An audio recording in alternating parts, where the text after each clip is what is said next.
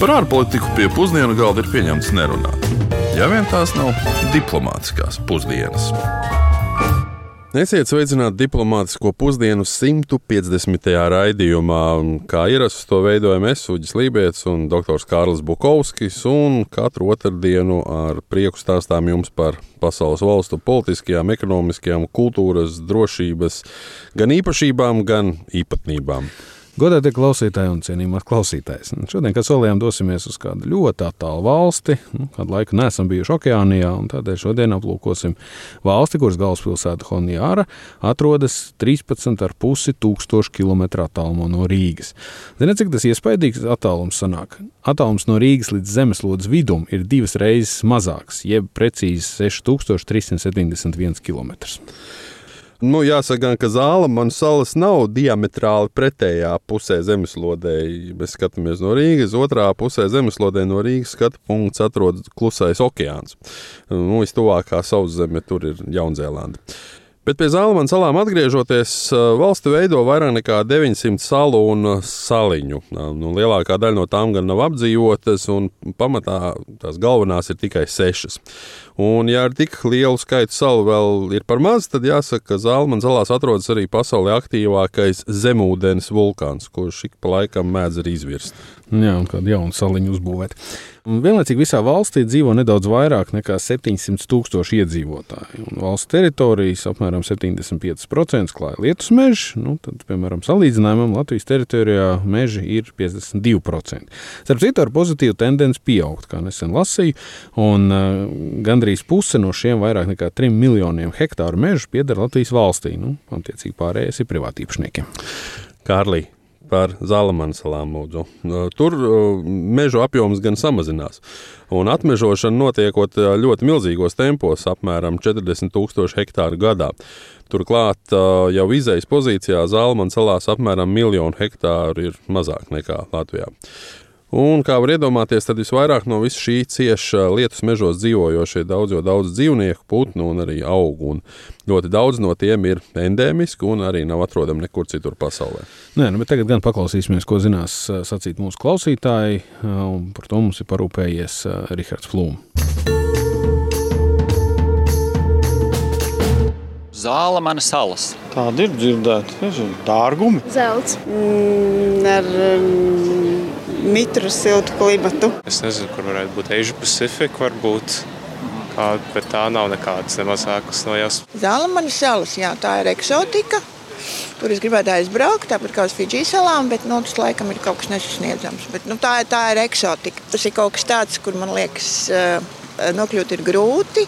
Bet tā, tā piekraste un tā vieta varētu būt skaista un varbūt ne tik ļoti, nu, teiksim, kā Grieķijas kurorti vai kā Taizemes kurorti. Tas varētu būt kaut kas tieši un skaists. Tas manā tādā priekšstatā ir. Daudz uh, zils ūdens apkārt, brūns smilts, skaists pludmale. Eksotika kaut kāda. Varbūt kāds izdzīvotājs vēl uz salas mētājas. O, jūs tā speciāli tādas uzdodat? Nevis tādas lielas valstis, kas ir visiem zināmas. Pirmie iedzīvotāji Zalmanas salās esot ieradušies apmēram pirms 30 tūkstošiem gadu, bet tikai 1568. gadā spāņu ceļotājs Alvaro de Mendana bija pirmais eiropietis, kurš salas pamanīja. Spāņiem gan uh, neizdevās nostiprināties salās, bet Britiem sākot no 1767. gada gan tas izdevās. Amerikāņu un britu vaļu mednieki aktīvi apmeklēja salas arī visu 19. gadsimtu, nu vēl paralēli para īpašumtiesības mainot no Britiem uz vāciešiem un arī atpakaļ. Un otrā pasaules kara laikā Zalmanas salas iekaroja Japāņi, un rezultātā tās kļuva par vienu no nozīmīgākajiem kauju punktiem Klusā okeāna teātrī, nu, kā to reizēm dēvē otrā pasaules kara terminoloģijā. Un te ir interesants fakts, ka slavenais ASV prezidents Džons Kenedijs bija ļoti pateicīgs Zalmanas salām par viņu faktisku izglābšanos. Proti, 1943. gadā, kad Kenedijs vadīja ASV krasta apsardzes patruļu kuģi, Japāņi pa to iešauja torpēdu. Rezultātā Kenedijs kopā ar izdzīvojušiem apkalpes locekļiem bija spiest peldēt apmēram 6 km līdz tūmā esošajām Zalmanas salām. Pēc tam divas dienas viņi tur pārtika tikai no kokosriekstiem. Nu, tad jūrnieks izglāba divu vietējie zvejnieki. Sala, uz kuras nonāca Kenedijs un apkalpe, tobrīd nebija apdzīvota un saucās Plūmju pudiņa sala. Vēlāk jau to pārsauca par Kenediju salu, bet pats Kenedijs ovālajā kabinetā esot jau par piebiņu vienmēr turējis kokosriekstu čaumalu. Nu jā, bet atgriežoties pie nopietnās politikas, jo šis tāds deserta cienīgs fakts nedaudz sanāca. Daudz no Zalmanas salām tika izpostīts otrā pasaules kara laikā, un tas veicināja arī nacionālismu un autonomijas ideju pieaugumu. Nu, un, attiecīgi, kombinācijā ar augošajiem pēckara koloniālās atbrīvošanās idejām visā pasaulē, Zalmanas salas panāca neatkarību no Britiem 1978. gadā. Un te gan par to neatkarību, protams, ir uh, nedaudz strīdīgi. Esam vairāk kārt runājuši par valstīm, kuras it kā ir suverēnas lēmumu pieņemšanā, bet to valsts galva tomēr ir apvienotās karalistes karaliene vai karalis. Un Zālmanas salas arī nav izņēmums, jo tās arī ir daļa no Britu nāciju sadraudzības, kurā šobrīd ir 56 valstis. Uh, tādēļ arī Zālmanas salas ir konstitucionāla monarhija. Bet uh, kāda tad ir šī? Nāciju sadraudzība, šī saudabīgā politiskā veidojuma, kāda ir tā nākotne. Nu, to mēs vaicājām doktorai Žanetei Ozoliņai, ilgadēji Latvijas Universitātes sociālo zinātņu fakultātes profesorai un vadošajai pētniecei. Jā, nāciju sadraudzības pastāvēšanas un arī nākotnes jautājums ir atkarīgs no ļoti daudziem un dažādiem faktoriem. Pirmkārt, uz nācijas apdraudzību ir jāskatās kā uz vēsturisku veidojumu, kura pamatā ir bijusi tieši Britu impērijas sabrukšana un valstu tālāko attiecību veidošana. Savukārt, ja mēs skatāmies jau no tādas modernākās vēstures skatu punkta raugoties, tad faktiski šī sadraudzība ir pakāpeniski augusi. Šobrīd tā sastāv no trīs valstu grupām. Ir tātad šis sadraudzības kodols, tad ir republikas un arī monarhijas. Un vēsturē, vēsturiski šī nācijas sadraudzība ir tikai paplašinājusies, nevis samazinājusies. Tas nozīmē, ka, ja mēs skatāmies no tādas vēsturiskās perspektīvas, tad nav nekāda objektīva pamata teikt, ka nācijas sadraudzība tuvākā laikā sabruks. Taču tas ir atkarīgs no vairākiem faktoriem. Pirmkārt, tātad, tas būs atkarīgs no tā, kā sev reprezentēs šajā nāciju sadraudzībā Lielbritānijas karalis. Tātad, kā Čālijs sev pozicionēs visā šajā valstu kopībā, kā arī tas, kā šīs valstis pašas individuāli skatīsies uz uh, nācijas sadraudzības nākotni. Un te kādreiz ir tas pats interesantākais, manuprāt, moments, jo tādēļ, ka šī nācijas sadraudzība sastāv no tādām ļoti lielām globāli nozīmīgām valstīm kā Austrālija, Kanāda, Jaunzēlande, Dienvidāfrika, protams, Lielbritānija nepieminot šeit, tas jau ir tā kā pats par sevi saprotams. Bet tajā pašā laikā nācijas sabiedrībā arī ir ļoti mazas valstis, nu, Āfrikas valstis, salu valstis. Ja?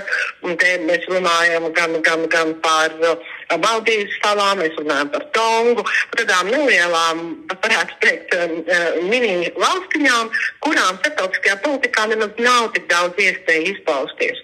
Un līdz ar to, lai kāda būtu šī nācija sadraudzība, tā ir ļoti nozīmīga viņu ārpolitikas un arī starptautiskās politikas uh, plašākā izpratnē komponenti. Bet man gribētos pieminēt šeit vēl vienu faktoru, uh, un mēs varam paskatīties uz pavisam nesenu pagātni, kad Lielbritānija izstājās no Eiropas Savienības.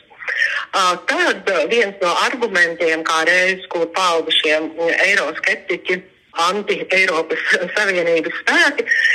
Viņi savukārt pieminēja šo nāciju sadraudzību kā Lielbritānijas jauno lielo globālās politikas iespēju. Un viena no valstīm, kas tika pieminēta, bija kā reiz Indija. Tā kā faktiski šeit ir ļoti plašs tādas manevrēšanas iespējas skatīties, kur nācijas sadraudzība nākotnē attīstīsies. Taču ir viena likumsakrība, kuru, manuprāt, darbosies arī šajā gadījumā. Un tā likumsakrība ir tāda, ka starptautiskās organizācijas ir grūti izveidot, bet ir gandrīz neiespējami pārtraukt to darbību. Un tādēļ, lai arī kāda būtu šo valstu attieksme pret um, karalu čāzu, uh, tomēr šādas organizācijas kaut tādas ierobežotas savas politiskās ietekmes ziņā pastāvēšana, tomēr ir nozīmīgs resurss mūsdienu visnotaļ neskaidrajā pasaulē. Interesanti, bet vai mm, šīs attiecības arī nav viens no noteicošajiem faktoriem, kādēļ Zalmans salas ir viena no tikai 21 pasaules valsts, kurām nav savas armijas. Bet, nu, labi, tagad gan dosimies uh, pie manas iecienītās uh, sadaļas, kas ir ekonomika, un paskatīsimies, kas tad Zalmana salu saimniecībai vēdā, ja tā var izteikties.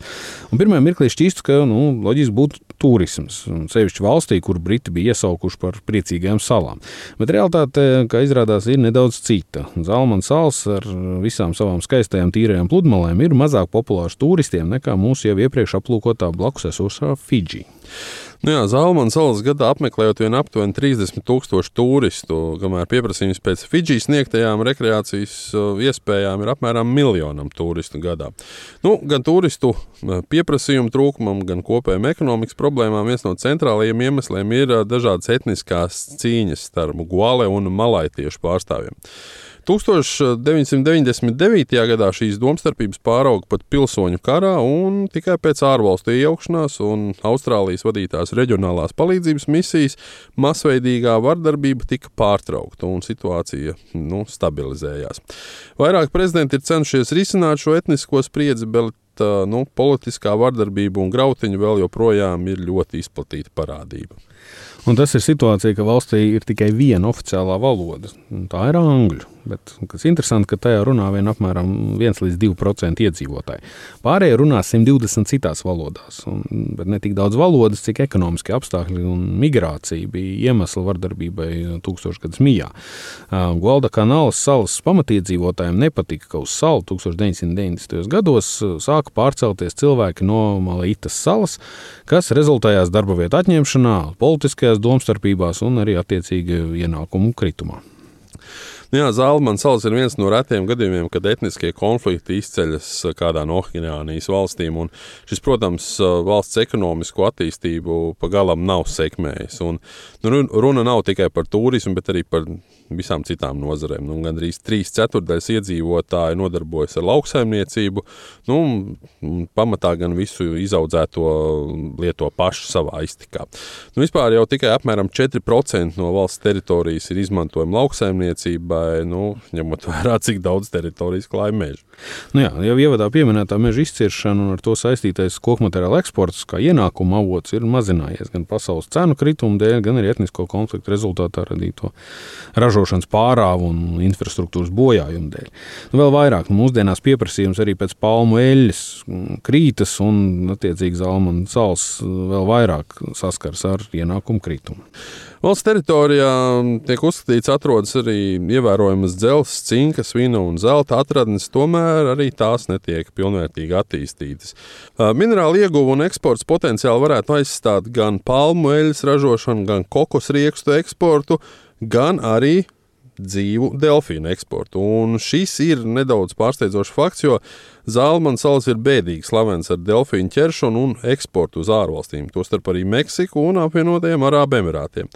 Uh, delfīnu medīšana ir tradicionāli bijusi vairāk vietējo cilšu nodarbošanās, nu, lai arī gaļa nav bijusi pārāk lielā cieņā delfīnu zobus, piemēram, ciltis ir izmantojušas kā naudu.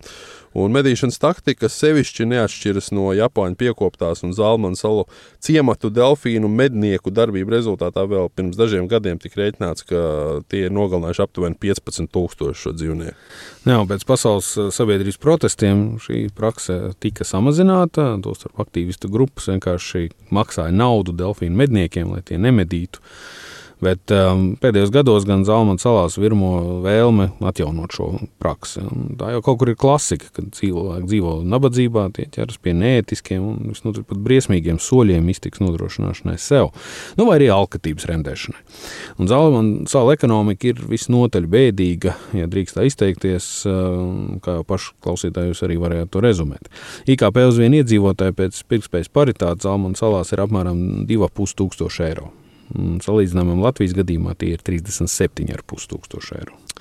Nu, ja vēl ar delfīnu tirzniecību nepietiek, tad uh, Zalmanas salas ir gan tranzīta ceļš, gan arī mērķa valsts un arī izcelsmes valsts cilvēku tirzniecībai. Un bieži cilvēkus atved uh, darbam zvejniecībā, kokrūpniecībā, bet tas nereti beidzas ar regulāru un komerciālu seksuālu izmantošanu. Un šīs uh, varētu arī būt paradoxāli un arī ironiski, jo Zalmanas salas savu nosaukumu ieguva par godu Bībelē aprakstītiem senās Izraels ķēniņam Zalmanam, kurš starp daudzām citām lietām bija slavens gan ar lielu bagātību, gan arī tūkstos dažādos statusos esošajām mīļākajām. Lai cik būtu paēdis, vienmēr ir vieta arī desertam. Un noslēgumā mazam desertam daži ar ēdienu saistīti fakti. Sākumā gribējām jums pastāstīt par vienīgo UNESCO pasaules mantojumā ierakstīto Zalmanu salu objektu, Rennela salas austrumu daļu, ir, atrod, kur ir atrodams pasaulē lielākais koroļu atols. Nu, 15 reizes 86 km izmērā. Bet tad mēs nospriedām pastāstīt par pāris īpatnībām, kas uh, varētu būt visatbilstošākās mūsu raidījuma nosaukumam. Proti, Zalmanas salās nav brokastu, pusdienu un vakariņu konceptu. Un cilvēki vienkārši ēd, kad tiem gribas, vai kad sanāk. Nu, ēd, protams, zivis, jamus, taro, gliemežus un citas dzīvās radības. Jā, un otrs fakts arī ar ēšanu saistīts. Zalmanas salās uh, ilgu laiku klīda nostāsts, ka tur ir sastopamas milzu žurkas, kas ir spējīgas ar zobiem pat kokosriekstu pārkost. Un šie nostāsti palika nostāsti līdz pat 2015. gadā meža strādes laikā viena no tādām esot nokritus no koka. Un tad arī tika atklāta lielākā žurku suga pasaulē - Oromis vika jeb vangunu milzu žurka. Tā ir gan kritiski apdraudēta suga, jo novērots tās ir maz un meža izciršana samazina to dzīves telpu. Nu, izmēra ziņā šī žurka sasniedz aptuveni 50 cm un svars var būt līdz pat vienam kilogramam. Nu jā, nu šī apetītelīgā fakta noslēdzam mūsu šodienas raidījumu. Nākamā nedēļā dosimies uz Senegālu, bet līdz tam laimīga nedēļa. Mūsu raidījumu, kā vienmēr, varat klausīties gan Latvijas radio, gan podkāstu lietotnēs, Latvijas radio lietotnē, portālā LSM un visur citur, kur vien jums ir iespējams to atrast. Uz sadzirdēšanos jau pēc nedēļas. Diplomātiskās pusdienas katru otrdienu pusdienos Latvijas Radio 1.